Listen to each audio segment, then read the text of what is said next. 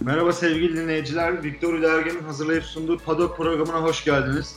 Ben Kaan Başkaya, Azerbaycan Grand Prix'sinin ardından Kayan Sinan'la birlikteyiz. Abi hoş geldin. Hoş bulduk, ne haber? İyi vallahi seni sormalı. Aslında çok da iyiyim diyemeyeceğim. Ee, Ferrari adından daha ne kadar bahsettirecek diyorduk. Son 3 programdır ağırlıklı olarak Ferrari'yi konuşuyoruz. Bu programda öyle geçecek gibi ama negatif bir anlamda bahsettiriyor Ferrari. Ferrari adından her zaman bahsettirir abi. Evet. Reklamın iyisi kötüsü olmaz ya. Gerçekten gerçekten öyle ama yani Ferrari olunca pek de öyle olmuyor aslında Formula Alıştık ya 15 senedir kötü bahsediyoruz zaten. Alıştık sorun yok yani. Ee, geleceğim. Yani uzun uzun konuşacağımız bölümler olacak zaten.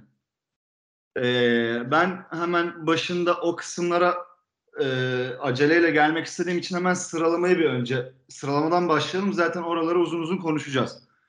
Ee, sıralamalara geldiğimizde e, artık bu klasik oldu. Zaten bunu söylüyoruz. Hani altındaki hem araçtan dolayı hem de pilotajlık olarak da bence griddeki en iyi adam yine aldı. Evet. Ya bu artık dediğin gibi klasik oldu. Lökler yani muhtemelen sezonun geri kalanında da yüzde yetmiş yani üçte ikilik oranında falan hatta belki daha fazla e, polo alacak yani. E, tek turda gerçekten çok iyi. Artı e, Ferrari de tek turda iyi bu arada. Yani evet. olay sadece Lökler'in evet griddeki en iyi pilot e, tek turda ama Ferrari de tek turda çok iyi. Yani Azerbaycan gibi Red Bull'a daha uygun olan bir pistte bile 0.3 farkla e, rahat bir biçimde aldı pole. Hatta ya Perez'in ya Verstappen'in hangisi söyledi hatırlamıyorum ama Perez'di sanırım. E, daha iyi bir zaman kaybe- kaydedebilirdik ama yine de pole alamazdık dedi. Evet evet evet.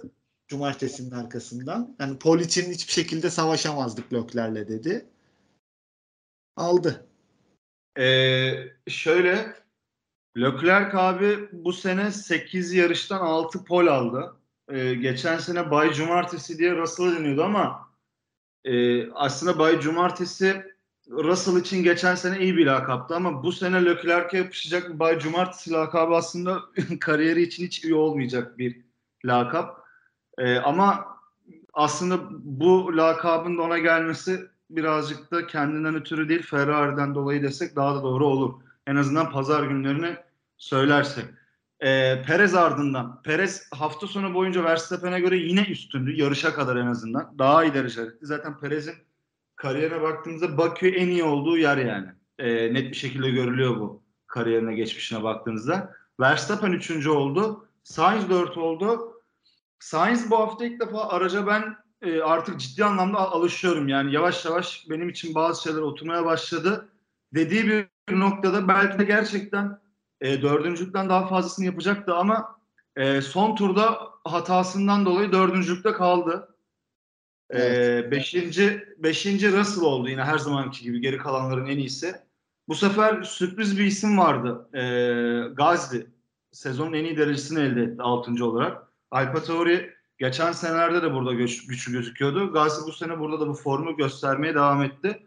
7 Hamilton oldu. 8 Tsunoda, 9 Vettel, 10 Alonso. Ee, Aston Martin'in de e, bu konsept değişikliğinden sonra gözle görülür bir şekilde performansının arttığını söyleyebiliriz. Belki araçla ilgili çok büyük bir adım atmadılar ama hem araç bir nebze olsun ileri gitti hem de belki aracın karakteristiği de Vettel için daha uyumlu olduğu için Vettel de performansla birlikte bir seviye daha yukarı çıkartarak Q3'ü gördüler. Çünkü Stroll mesela e, Q3'te elendi. Hani buna istinaden söylüyorum. Bir araç Q3'e çıkıyor, bir araç Q1'de eleniyor. Alonso 10. oldu. Geri kalanlar ardından McLaren takip etti. E, sıralama turlarıyla ilgili bir şeye değineceğim hemen çok kısa. E, yani bunu belki başka pilot yapsa sevmezsiniz ama Alonso yapınca seviyorsunuz. Q3'te yaptığı çakallığı görmüşsündür. Evet. Abi yani e, Bakü yani Bakü Bakü'de böyle şeyler e, yapılabiliyor böyle akıl oyunları. Alonso gibi tecrübeli bir isim de arkasındakileri direkt iptal etmek iptal etmek için kaçış yerine girdi ve turları iptal ettirdi. Ama bunun E ben bu sıralama turlarındaki bu sarı bayrak ve kırmızı bayraklarla ilgili bir düzenleme gelmesi gerektiğini düşünüyorum. Çünkü turlarını tamamlayamayan pilotlara bence haksızlık oluyor bu arada. Ya o abi söyleniyor her zaman ama buna yapılabilecek çok bir şey yok. Ya çünkü kaçış alanı için yapabilirsin. Okey. Tamam ama e, yani takvimdeki çoğu pistte bu tip kaçış alanları yok. Genelde işte bariyere vuran oluyor. Özellikle cadde pistlerinde çok fazla çakıl havuzu, kaçış alanı, kaçılacak yer, arabayı çekebileceğin yer vesaire yok. Hani çoğunlukla bariyerdeler. Klasik pistlerde de daha çok çakıl havuzu ama onlar da açık yerlerde oluyor. Ee, o yüzden hani pek böyle bir düzenleme yani bununla alakalı bir düzenleme e, getirebileceklerini pek sanmıyorum. Belki süreyi durdurma durumu olabilir. Hani sarı bayrakta da. Ama onun dışında çok fazla yapılabilecek bir şey yok bence yani. e, Bence süre- alakalı. Süre az kaldıysa abi en azından hani sallıyorum sarı bayrak mı oldu veya kırmızı bayrak mı oldu? Bir dakika var.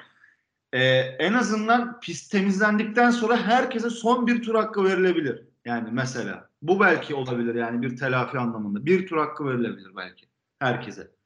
Ama e, bakalım yani ben biraz buna düzenleme getirilmesi gerektiğini düşünüyorum. Bu çünkü birazcık e, pilotların kontrol dışında olan şeylerden dolayı haklarının gitmesi gibi bir durum yaratıyor.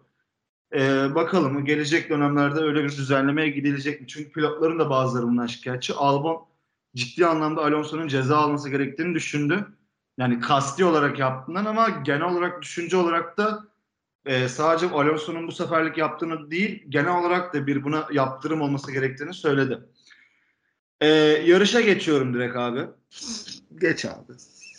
Ee, yarış startta Perez'in Leclerc'i geçmesiyle bir e, ön, ön tarafta bir hesap değişikliği oldu. Ama zaten e, takım radyosundan birçok e, takım sürücüsüne dediği gibi herkes hani mümkün olduğunca agresif start almaya çalışın dendi sürücülere. Perez de bunlardan bir tanesiydi. Perez'in tekim geçti.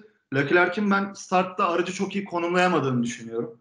Bence biraz içeri kapansaydı arkada Verstappen'e boşluk vermezdi.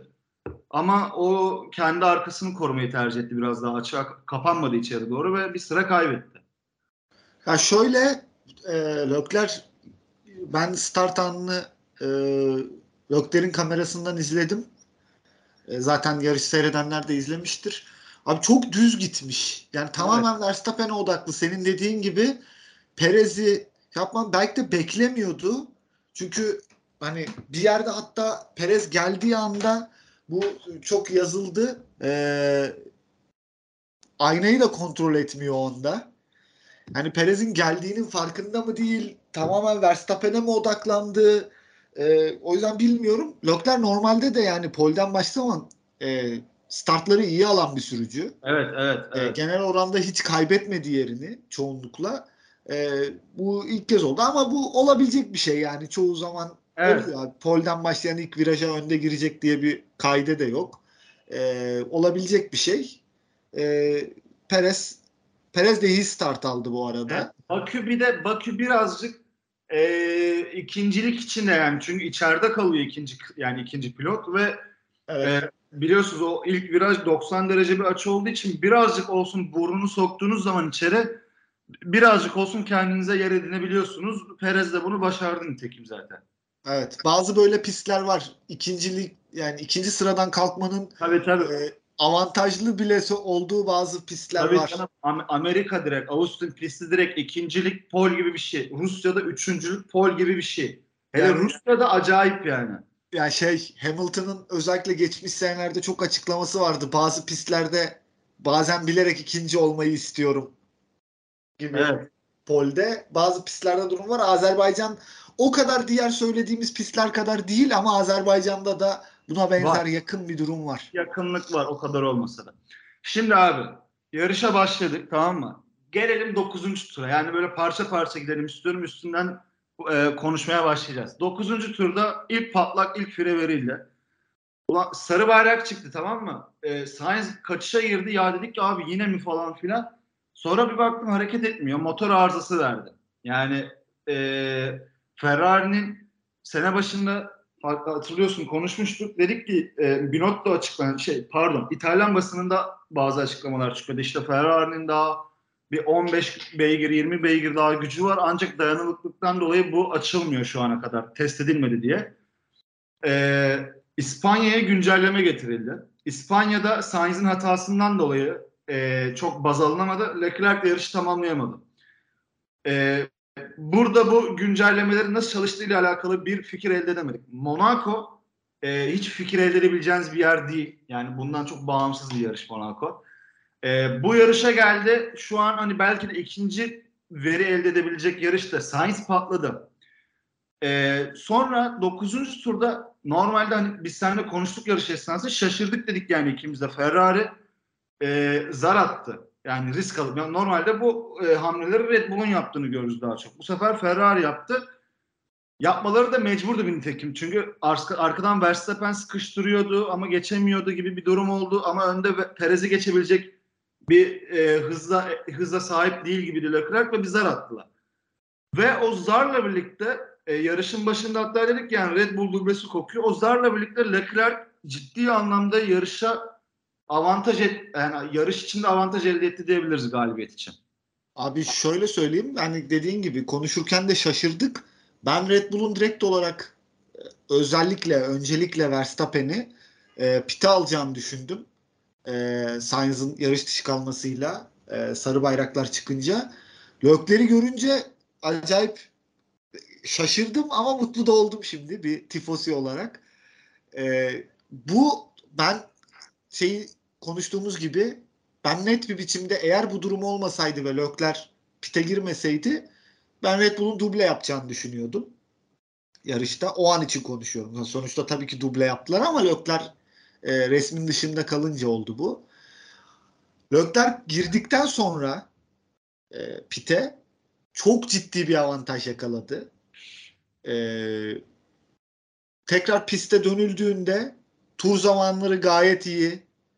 E, beklenenden daha iyi. Çünkü Ferrari'nin sene başından beri birazcık orta ve sert hamurlarda lastiği ısındırma ve performans anlamında dezavantajları vardı Red Bull'a oranla. Bu da pek gözükmedi. Ya, tur zamanlarına baktın mı bilmiyorum. Hep çok iyiydi Lökler'in. E, zaten farkı da kapattı. Yani geliyordu yani. E, ama sonra sonrası pek iyi olmadı. Sonrasına geçelim. Abi bu pit oldu ve e, Red Bull'lar e, geride yani geride kaldı diyelim, demeyelim de geride kaldılar. Yani bir nevi. Yani Leclerc avantajı elde etti. Abi sonra 21. turda e, o hiç herkesin birçok insanın görmek istemediği manzarayı görür oldu. Yani e, bu arada 17. turda Perez pite girdi. 19'da Verstappen pite girdi. Yani arayı kapatacaklardı muhtemelen. Abi ben Ama şu, bak ben şöyle söyleyeyim.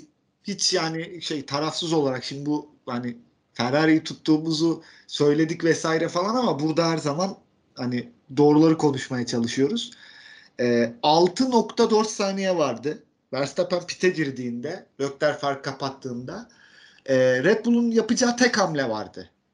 Yani şu Red Bull girip hard takıp yarışı bitirecekti. Beklenen durumdu. Fakat Ferrari cumartesi günü sıralama turlarında Q1'de bir adet soft lastiği tak, e, sakladı. E, sıralama evet. turlarında kullanılmış lastikle tur atıp yarışa sakladılar bir adet yumuşak lastiği. Ve Azerbaycan güvenlik aracının girme ihtimali en yüksek olan 2-3 pistten biri takvimde. Nitekim yarışı sonuna doğru Magnussen'in kazasıyla da girdi. Bu durumda böyle bir durumda soft'u takıp yarışı bitireceklerdi. Yani Lökler önce şunu konuşalım. Yani yarışın gidişatı ya tabii ki farazi bir şeyden bahsediyoruz ama çok çok yüksek ihtimalle eğer yarış dışı kalınmasaydı Lökler yarışı kazanacaktı. Yani çok yüksek yani kazanma ihtimali yüksekti evet bence de. Yani, yani çünkü zaman, tek, tek pitle devam etselerdi bile ya iki tarafında lastikleri ciddi anlamda azalacaktı veya bir fark arada kaldı müddetçe Red Bull'un yaptığı her hamle Ferrari de aynısını yapabilir. Veya en kötü Red Bull yaklaşsaydı bile Ferrari son 15 tur kala 10 tur kala belki de bir arada bir fark varken Leclerc'i pite alıp arkadan kovalayıp çok büyük bir lastik avantajıyla kovalayıp alabilirlerdi evet. Tabii abi çünkü o zaman şöyle bir şey olacak. Leclerc son 15 tura sıfır soft bir lastikle pistteyken Verstappen ve Perez yaklaşık 30 turluk hard lastikle pistte olacaktı. Evet. evet. Yani 30 tur demeyelim 22-25 tur civarı bir hard lastikle olacaktı. Yani tur başına farkı dinleyicilerimiz hesaplasın yani o durumda ne olacağını. Yani çok yük, bence çok yüksek ihtimalle Leclerc o e, Sainz'ın yarış dışı kalmasından ötürü çıkan sarı bayrakla beraber Ferrari'nin pit hamlesiyle Leclerc işi değiştirdi. Ferrari işi değiştirdi. Leclerc yarışı çok yüksek ihtimalle kazanacaktı. Evet. Yani ben de öyle düşünüyorum. Yani ciddi bir avantajı vardı bence de o noktada. E, ama Helmut Marko da diyor ki biz Ferrari yani Leclerc yarış dışı kalmasaydık yakalardık ve geçerdik gibi bir açıklaması olmuş. Yakalardık yani, ve geçerdik derken abi şöyle Helmut Marko onu şu manada söylemiş olabilir. Ee, bir, yani Hart'la bitireceğini varsayarak söylemiş olabilir onu. E, olabilir bilmiyorum. Ya gerçi Helmut Marko'nun da çok e, açıklamalarının çok birazcık taraflı olduğunu da unutmamak lazım. Abi, Helmut Marko'nun açıklamaları çok e, kale almamak lazım. Helmut evet. Marko Helmut Marko Verstappen'le Perez eşit bizim için diyen adam. O yüzden çok e, değil. Halbuki bu da en büyük yalan yani abi. Hani bu, bu o, o açıklamayı yapan adamın çok açıklamalarını kale almamak lazım yani. Yani evet. Abi şimdi ee, bu artık ee, şöyle ben şuna benzetiyorum bu durumu. Şu an momentum ciddi anlamda yani ciddi anlamda değil fazla fazla ekstrasıyla Red Bull'a kaymış durumda. Ee, şöyle bir şeye benzetiyorum. İspanya yarışı 3 yarış önce ya Ferrari 3 tane galibiyeti çöpe attı abi. 3 tane galibiyeti. Yani 3 galibiyet ne demek abi? Yani 3 galibiyeti çöpe attı derken şöyle. Hani kimse yanlış anlamasın. Bu 3 yarışı da Leclerc kazanıyordu. Kazanıyordu. Evet aynen öyle kazanıyordu. İspanya'ya gelirken Verstappen 85, Leclerc 104, Perez 66 puandaydı abi. 3 yarış geçti. Şu an Verstappen 150, Perez 129, Leclerc 116 puanda abi. Üç yani şöyle Leclerc bir dakika ben ha söyle dinliyorum. Üçüncü bitireceği ya da ikinci bitireceği yarışları e, yarış dışı kalmadı. Kazanacağı yarış. Ha, tabii ki evet. Monaco'da yarış dışı kalmadı da o pit duvarının e, yaptığı rez, rezaletten dolayı öyle oldu. Evet. İspanya ve Azerbaycan'da da yarış dışı kaldı. Motor gitti. Leclerc bu 3 yarışı kazanıyordu abi. 75 puanın 63'ünü kaybetti. 12 puan Monaco'da aldı ama yani o da kayıptır da 63 puan kaybetti abi bu yarışta. 75 puan 63 puanı kaybetmek ne demek abi? Ve bu 3 yarışta bak 63 puan kaybediyorsun. Verstappen kazandığı puan 65 puan. 3 yarışta 65 puan. Leclerc 3 yarışta 12 puan kazanıyor. Perez 3 yarışta 63 puan kazanıyor abi. Ve burada Leclerc'in kaybettiği yarışlarda sadece Leclerc'in kaybettiği olarak düşünmeyelim. Leclerc'in kaybettiği puan direkt Verstappen'e gidiyor abi de. Anladın evet, mı? Yani 25 alacakken hiçbir şey alamayıp Verstappen 18 alacakken 25 alıyor. Yani hatta 26. Burada Leclerc'in kendi kaybettiği puanlardan Verstappen'e geçen yani 63 puanın içinden 25'i falan bir de direkt Verstappen'e geçiyor. Yani Verstappen diğer geri kalanını alıyor ama 25'i falan direkt Verstappen'e geçiyor. 30-35 puanı direkt Perez'e geçiyor. Abi şimdi e, biz artık sezonun 8. yarışı bu. Yani yaklaşık 3'te birlik kısmı geride bıraktık diyebiliriz. 3'te 1'i geçtik. Ben şuna benzetiyorum bunu. Abi e, basketbolla ilgilenen e, seyirciler hani biraz olsun bilgisi olan seyirciler bilir Abi şu an ikinci periyodun yani maçın ikinci periyodunda ee, sen böyle 35'e onluk falan bir seri yedin abi. Yani evet. ve e, yani şöyle bir durumdasın yani. Bu 35 10 yani sen mesela NBA'yi takip ediyorsun. Golden State'ten örnek verebiliriz. O 2017 2018 Golden State. 2 dakikada falan böyle 22 falan seri yakalıyorlardı ve onu bir daha kapatamıyordun. Bitiyordu yani. Hani NBA'yi takip etmeyenler için basketboldan yani gerçekten şu an böyle 25'e 5 falan bir seri yemiş durumdasın ve hiçbir cevap veremiyorsun. Hiçbir şey yapamıyorsun. Ve e, momentum ciddi derecede Red Bull'a kaydı. Şunu söylüyorduk sezonun başında. Sezonun başında da Ferrari ciddi anlamda öyle ama o sezonun çok başındaydı abi. Şu an bu fark kapatılamayacak bir fark mı? Kesinlikle kapatılabilecek bir fark. Ama şu farkı Ferrari sezonun bu noktasının önünde olsaydı, Red Bull arkada olsaydı daha kolay kapanırdı derdim. Ama arkada kovalayan Ferrari olduğu için bu iş çok daha zorlaştı. Çok ciddi bir avantaj elde etti Red Bull. Ya şimdi şöyle söyleyeyim. Ee, şimdi Ferrari'nin bu sene başında Binotto'nun açıklamasıyla normalde motorun gücü daha yüksek fakat dayanıklılıktan çekindiğimiz için e, bu motorun gücünü tam açmıyoruz açıklaması herkes tarafından biliniyor zaten. E, Ferrari o dönemde yani ilk dört yarış baz, alın, baz alarak konuşulduğunda Red Bull'la kafa kafaya başa baş bir mücadeledeydi. E, Red Bull'un güncellemeleri daha önce geldi Ferrari'den. E, Ferrari İspanya'ya kadar bir güncelleme getirmedi. Tabii ki bu güncelleme getirmedi kısmında işte arka kanat değişikliği, ön kanat değişikliğini, yere basma kuvvetlerini falan saymıyorum. Onlar piste göre değişkenlik gösteren her aracın, yani her takımın e, griddeki her aracın yaptığı şeyler. Ardından Ferrari güncellemeye başladı ve şimdi şunu da söylemek lazım. Hem olumlu kısmını hem olumsuz kısmını söyleyeceğim. Ee, Ferrari şu anda Red Bull'dan daha hızlı aslında genel olarak. Yani düzlük dışında pistin pist komple ele alındığında Azerbaycan'da bile Ferrari Red Bull'dan daha hızlı. Yani bunu şey görüntüyle söylemiyorum. Rakamlar söylüyor. Yani 21 turluk verilere açıp bakıldığında Lökler'le Verstappen'in arasındaki fark tur başına 0.18 falan. Yani Lökler daha hızlı. Verstappen'den. Perez, Perez'den de 0.25 civarında. 26. Evet. Ee, şimdi fakat araç duruyor abi. araç gitmiyor yani. Ee, şimdi o yüzden hızın hiçbir işe yaramıyor. Şimdi 34 puanlık fark senin söylediğin gibi kapanmayacak bir fark mı? Değil. Daha çok yarış var. Kapanacak bir fark. Ama bu sorunun ne zaman çözüleceğiyle alakalı bir durum. Şimdi biraz şunu konuşmak lazım. Binotto şöyle bir açıklama yapmış dün yarıştan sonra. Ee, sor, Kanada biliyorsunuz hemen bu hafta sonu. Ee, ara yok evet. yani. Kanada'ya kadar sorunu çözmeye vaktimiz yok demiş. Ee, ya başka bir motora geçeceğiz e, ya da eski motora geçeceğiz.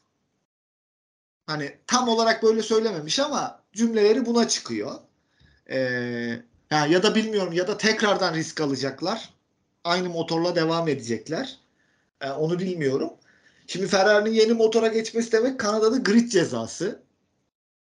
E, Leclerc tarafından sanırım öyle evet. Geç evet, yani. Sainz için değil. Leclerc öyle.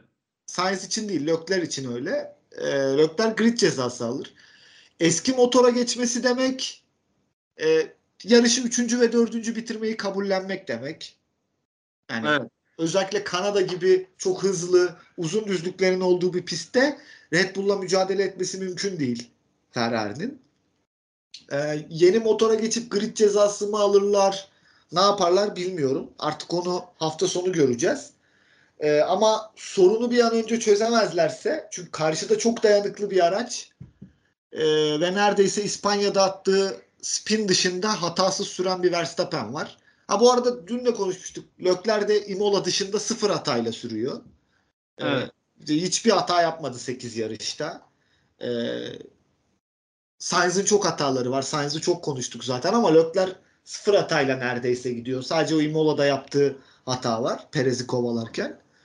Ee, olayın geldiği noktada şu an momentum dediğin gibi Red Bull'da çok sağlam bir araç hızlı bir araç, e, sıfır hatayla süren bir pilot, yardımcısı, yani yardımcısı diyorum artık Perez'e. e, çok formda Perez'de. Perez de çok formda, aynen öyle. Evet. E, yani biz biraz birazcık senle şeyde yanıldık. Perez'in kokuyu aldığını ve şampiyonluğu kovalayacağını düşündük ama hiç öyle değilmiş. Ya ben bir nebze olsun belki içinde ya çok uzun vadede barınabileceğini düşünmüyordum. Yani sezonun sonuna kadar böyle bir durumu götürebileceğini düşünmedim. Götürebilecek olsa bile Red Bull'un buna izin vermeyeceğini düşünüyordum. Ama bir form aralığı yakaladığı müddette bir nebze olsun o potanın içinde bulunacaktır diye düşünüyordum. Ama Red Bull'un yani Red Bull ne buna çok izin verecek gibi zaten. Red Bull buna hiç izin vermeyecek gibi. Yani ben bu hafta sonu Perez'in de açıklamalarına baktığımda Perez'den dolayı birazcık hayal kırıklığına uğradım açıkçası. Yok abi şöyle zaten bence o konu yani o konuya da biraz değinelim. E, çünkü aslında Red Bull için konuşacağımız çok bir şey yok. Dediğim gibi çok sağlam bir araç. Çok iyi iki pilot var. Ve momentum şu an tamamen onlarda. E, bu şekil biraz daha devam ederse zaten çok rahat bir şampiyonluk elde edecek Verstappen. Ama diğer konuya geldiğimizde abi İspanya'dan sonra hani Perez zaten e, şu açıklamayı yaptı ya. Evet konuştuk ve takıma hak verdim gibi. Orada zaten kulağa çekilmiş Perez'in. E, bariz belli. Evet, evet. Burada da burada da şey yarıştan sonra yine Perez şey demiş. Verstappen benden daha iyi momentumdaydı. Onun öne alınması doğru bir karar. Öyle bir durum yok abi. Ya var vardır belki abi vardır. Bak, Hayır. Verstappen'in daha hızlı olduğu net olarak gözüküyordu. Ama olay şudur. İspanya'da Verstappen'e kazandırıldı o. Verstappen yok pist üstüne farklı stratejiydi falan. Daha hızlıydı. Abi Perez önündeydi adamın. Anladın mı? Perez'e de yarı, yarışı kazandırtacak strateji, strateji yaptırtabilir miydin? Yaptırtabilirdin. Yaptırtmadı. Verstappen'e yaptırdı. Monaco'da aldı. Burada burada da bu stratejiyi yaptıramaz mıydın? Yaptırtabilirdin abi. Yaptırtmadın. Abi bu arada Monaco'yu saymayalım. Monaco'da arada Sainz vardı çünkü. Yani evet. muhtemelen, muhtemelen arada Sainz olmasaydı yine Verstappen'i öne taşıyacaklardı. Verstappen Muhtemel. Verstappen'i ya muhtemel değil abi kesin ya. Hani bu- bunun muhtemeli falan yok. Olay yani görünen köy kılavuzu istemez yani. Bu çok bariz bir şey. Hani arada Sainz olduğu için Verstappen'i öne taşıyamadılar. Sainz vardı çünkü Sainz ikinci sıradaydı. Ha bunu bu arada herkes yapıyor. Ee, Ben bunun eskiden beri de mantıklı olduğunu düşünüyorum. Sadece şu an biz Perez açısından biraz konuşuyoruz.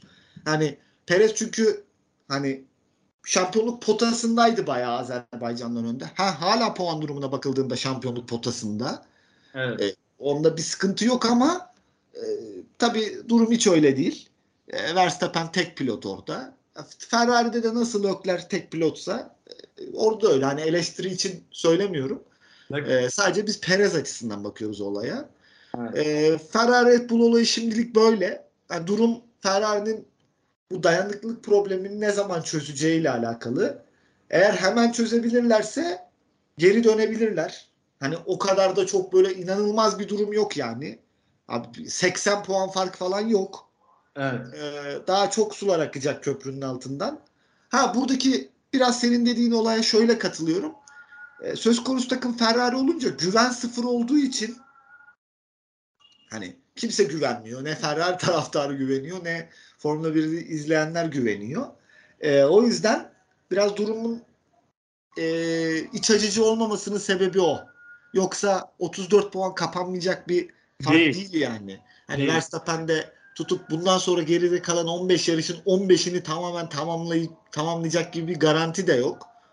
Ee, işler daha da kızışıyor. Özellikle sezon arasından sonraki son dönemde. Ee, bakacağız ama yani durum Ferrari'nin ne zaman araçtaki dayanıklılık problemini çözeceğiyle alakalı. Çünkü tekrar söylüyorum dayanıklılık dışında evet dayanıklılık çok önemli sonuçta sizi yarı yolda bırakıyor. Ama aracın hızla alakalı hiçbir problemi yok Ferrari'nin şu anda.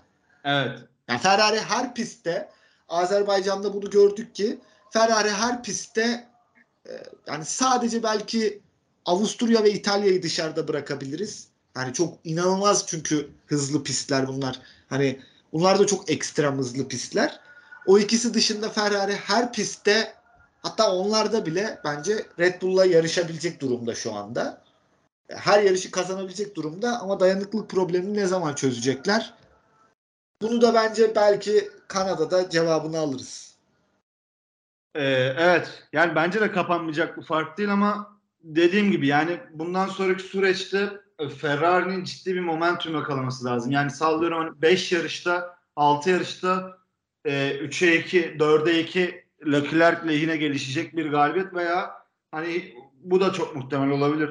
Ferrari nasıl yaşıyorsa. Ferrari kadar muhtemel olduğunu düşünmüyorum ama Red Bull'un da yarış dışı kalması durumunda. Yani dengeler çok çabuk değişebiliyor. Abi şöyle anlatayım. Geçen sene biz bunu gördük Mercedes Red Bull çekişmesinde. Ama şu arkadaki takım şimdi hani ona da geleceğim bir noktada. Mercedes olsaydı değişme ihtimali, geriden gelme ihtimali çok daha güçlü derdik. Ama Ferrari olunca e, soru işaretleri de kafada geliyor yani ister istemez uyanıyor abi. Ya abi şöyle o işte demin dediğim gibi güven problemiyle alakalı bir de şöyle bir durum var.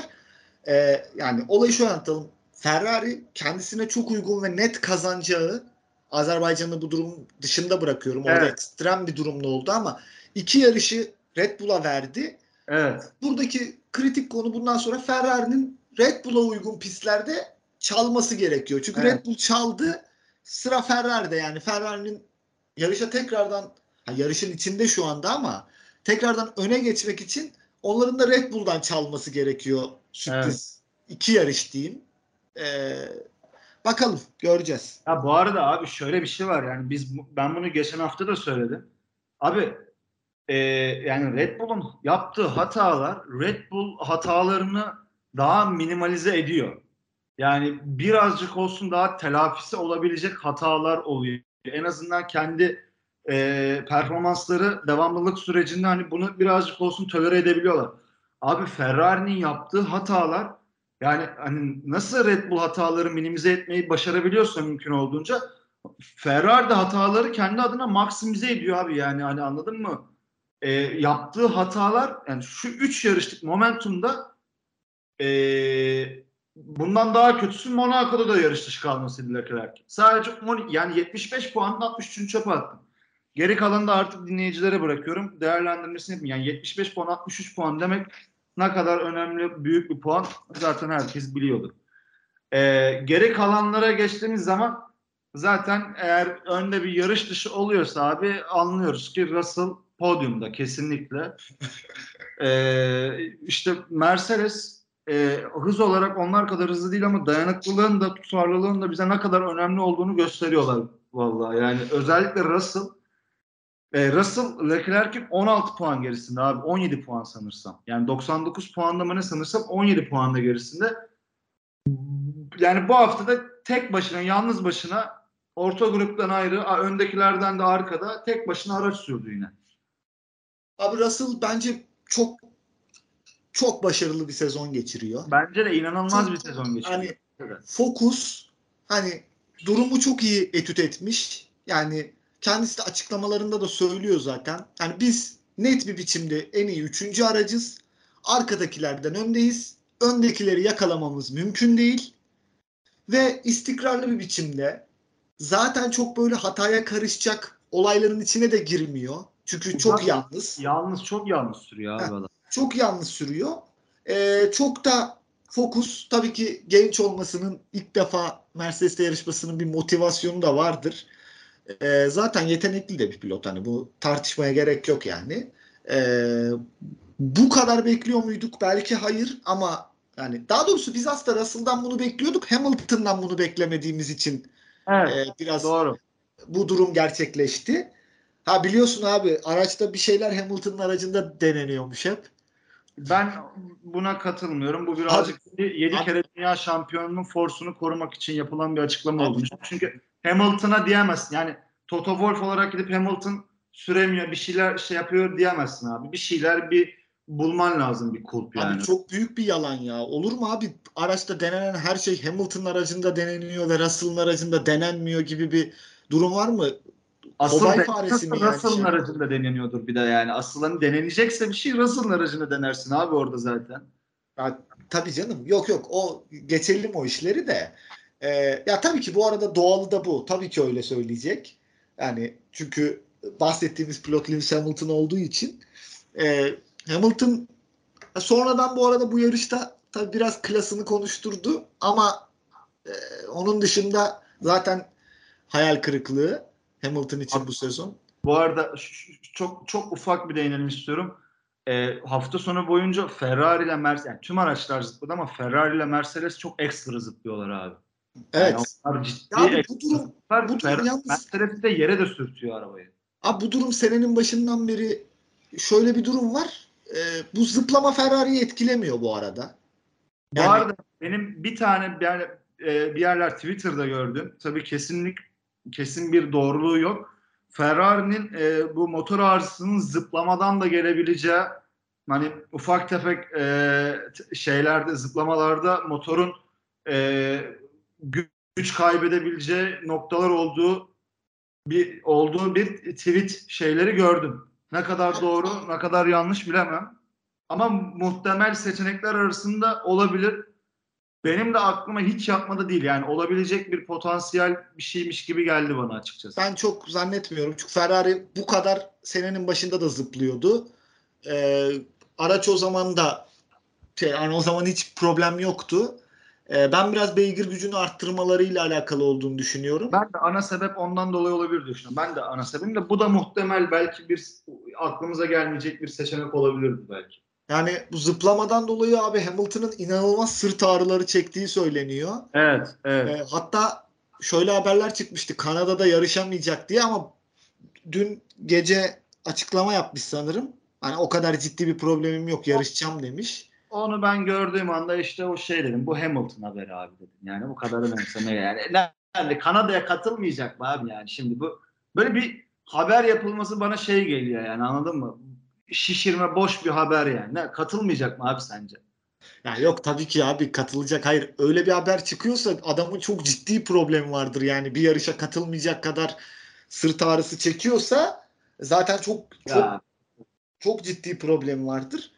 Ee, ama yani burada tabii bu zıplama olayı biliyorsun şey şeyle çok alakalı. Ee, yere basma kuvvetiyle yani ara- aracın e, tabanıyla çok alakalı. Pistin durumuna göre aracın tabanlarını değiştiriyorlar. Yükseltme, alçaltma vesaire gibi farklı taban e, aksamları kullanıyorlar orada takımlar. E, ama burada gerçekten yalnız Ferrari hiç bu kadar sekmemişti. Evet. Kadar. Burada acayip yani sıralama turlarında yanılmıyorsam Sainz'ın bir onboard kameradan görüntüsü var. Çok acayip yani. Şey Mercedes Evet. Mercedes hep böyleydi zaten. Yani senenin başından beri Mercedes en çok e, yunuslama problemi yaşayan takım. E, ama abi, bir şey konuşalım ama hadi bu da şey olsun. Abi Vettel'in dönüş nasıldı kaçış alanında? Abi evet evet ya aynen çok iyi. Kral klası konuşturdu ya. Tam gelecektim. Arkalarda e, Gazli 5 bitirdi. Alfa Tauri dediğimiz gibi güçlü gözüktü. 6 Vettel bitirdi. E, dedik Aston Martin'in performansı hani konsept değişiklikle bir nebze olsun artmışa benziyor. Bence Vettel de performansını arttırdı. Yani bu aracın burada 6. olmasında Aston Martin kadar en az Vettel'in hatta belki de daha fazla Vettel'in e, etkisinin olduğunu düşünüyorum. Yarış içinde o konuda güzel iki kere kapışmaları oldu. Birinde virajı alamadı. Virajı aldığında dediğin gibi kaçışça yani orada çoğu pilot belki de aracı durdurup ondan sonra o hamleyi yapar. Vettel abi direkt çat diye döndü ben. Ya Çok iyi. Abi bu araç geliştirmeyle alakalı Aston Martin'le alakalı bir şey söylemekte fayda var. Yani Sebastian Vettel Formula 1'e geldiği tarihten bu yana Evet. yani 2007'den bu yana her zaman hani herkes Formula 1 camiasındaki herkes şeyi söyler. Bir aracı geliştirmek istiyorsanız Vettel. pilotunuz Vettel olsun diye. Ee, çok iyi etüt ettiği, çok iyi feedbackler verdiği, geri dönüşler verdiği, aracın gelişiminde bu her zaman Red Bull'da da Ferrari'de de e, yarıştığı hatta ilk işte BMW'de yarışmıştı o zaman BMW Sauber vardı. Hı hı. Ee, BMW Sauber'de başlamıştı Vettel kariyerine. Ee, daha sonra Toro Rosso'ya geçmeden önce, Red Bull Akademisi'ne geçmeden önce. Her zaman bu söylenir. Yine Aston Martin'de de Vettel'in çok büyük payı olduğu net bir biçimde söyleniyor. E, bu da gözleniyor zaten. Ee, hatta Aston Martin normalde aslında biliyorsun şu haberleri şey çok çıkmıştı. Normalde başka pilotları istediği fakat sadece araç geliştirmeden dolayı Vettel'e yöneldikleri Evet. Vettel'i alırken e, Vettel Ferrari'den ayrıldığında e, büyük pilot baba ya seviyoruz. Evet ben de seviyorum abi Vettel'i. Evet. Normalde e, Bottas'ı 11 oldu. Bottas'ı normalde daha yukarılarda görmeye alışız ama Alfa Romeo'nun da bu hafta hiç temposu yoktu. Albon 12, Sunoda 13. Aslında Sunoda ilk onda bitirecekti ama bu kanat e, kanat e, DRS'den dolayı bir problem yaşadı ve FIA onun e, pite uğramasını istedi. O noktada 13.ye düştü. Zaten o DRS sıkıntısı yaşadıktan sonra Verstappen'e dediler ki direkt bundan sonraki hiç DRS kullanmıyorsun yarışın sonuna kadar. Aynı şey yaşamamaktan korktukları için orada da e, Sunoda'yı aslında yarışını birazcık o bozdu. Şumi, Latifi, Stroll'e geçti. Çok ufacık hemen bir değinelim istiyorum. E, DNF olan 4 yarış e, 4 araçta Ferrari motorlu yani Magnussen Evet. ve Zhu da patladı abi. Ferrari'nin e, ciddi bir gözden geçirmesi gereken durum olduğu ortada. Umarım bunu da Kanada'ya kadar halletmiş olurlar. Bu vesileyle de bir Kanada'ya geçelim. Ee, Kanada yani artık daha kime uygunluk olduğunu söyleme gerek var mı bilmiyorum ama zaten Ferrari eğer yarış dışı kalmazsa çekişmeli bir mücadele izleyeceğiz Kanada'da umarım. Yani tabii Kanada'yı özledik bu arada. Evet Evet. ben de özledim aynen. Pandemiden dolayı iki senedir yapılmıyor. 2020 ve 2021'de yapılmadı. Ee, bize göre bir akşam yarışı olacak. Ee, güzel, genellikle güzel yarışlar olur Kanada'da.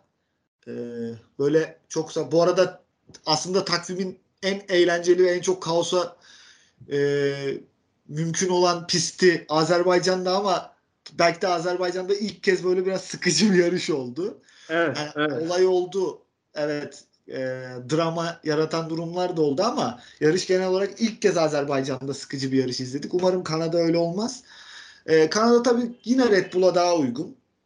E, uzun düzlükleri ve şikanlarıyla meşhur. Hep S virajları var. E, daha, daha sonra tekrar uzun düzlük, tekrar S virajı, uzun düzlük. Pistin yapısı genel olarak böyle. E, Ferrari dayanıklılık problemini çözerse başa baş bir mücadele izleriz. Ee, yine Paul de Leclerc favori olur. Ee, ama yarış ne olur tabii bilinmez. Ha, bu arada yarış dışı kalmasa dahi yarış temposunda Red Bull daha iyi olabilir Kanada'da Ferrari'den. Burada durumu e, Ferrari'nin dayanıklılık problemi çözecek. Yani o belirleyecek. Evet, o zaman e, önümüzdeki hafta tekrar Kanada Grand Prix'sinden sonra görüşmek üzere abi. Bu yarışta da zaten her zamanki gibi son 3 programda olduğu gibi Ferrari, Red Bull ağırlıklı, Ferrari'nin krizleri ağırlıklı e, konuşma e, konuşmaları gerçekleştirdik. E, o zaman haftaya görüşürüz abi, öpüyorum. Görüşürüz. Hoşçakalın.